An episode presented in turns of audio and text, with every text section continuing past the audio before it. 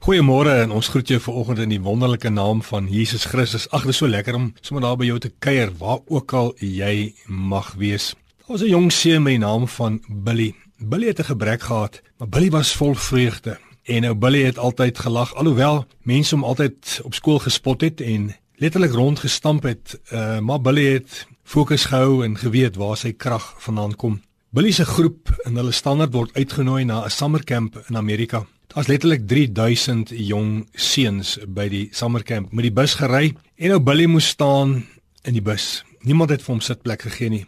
Want ou Billy was half so vir mense irritasie. En by die kamp aangekom na 2 ure toe uh, klim Billy natuurlik laaste uit die bus uit en hy stap om homself aan te meld by die kampkommandant en die kampkommandant skryf sy naam neer en sê jy's in kamer 3D. En nou sukkel ou Billy na kamer 3D en toe in die kamer instap Toe skree al die seuns, "No Billy, not you, not you Billy." Ag nee Billy, nie in jou in ons kamer nie. Ou Billy kry die grootste bed en ou Billy glimlag en die kinders het baie aanmerkings. Nou Billy maak hierdie ou stuk in 'n bed, maar reg en hy sit sy goed bymekaar en toe stap die kampkommandant in en hy sê vir kamer 3D, "Julle moet môreoggend open met skriflesing en gebed." En toe hy omdraai en uitstap, toe vang sy oog vir ou Billy. En hy weet die bord gaan op ou Billy val.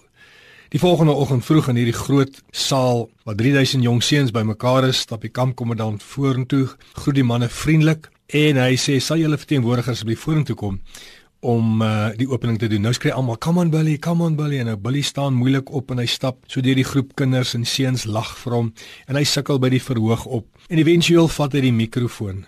En nou begin die kinders lag want Billy het ook 'n hakkelprobleem gehad. En Billy kyk die kinders in die oë en hy begin praat en hy sê Billy loves you and Jesus too. 2999 seuns se koppe het gesak want hulle het gesien 'n man wat voor staan impak gemaak ter wille van wat ook al gebrek hy gehad het, het die Here hom geseën. En dan word verder vertel dat 57% van die jong mense in die saal is in die bediening as gevolg van Billy. En die woord van die Here sê dit so so mooi in uh, Spreuke 16 hier vanaf vers 23. 'n Wyse mens praat verstandig en kies sy woorde so dat hy ander kan leer. Mag die Here jou seën in hierdie dag.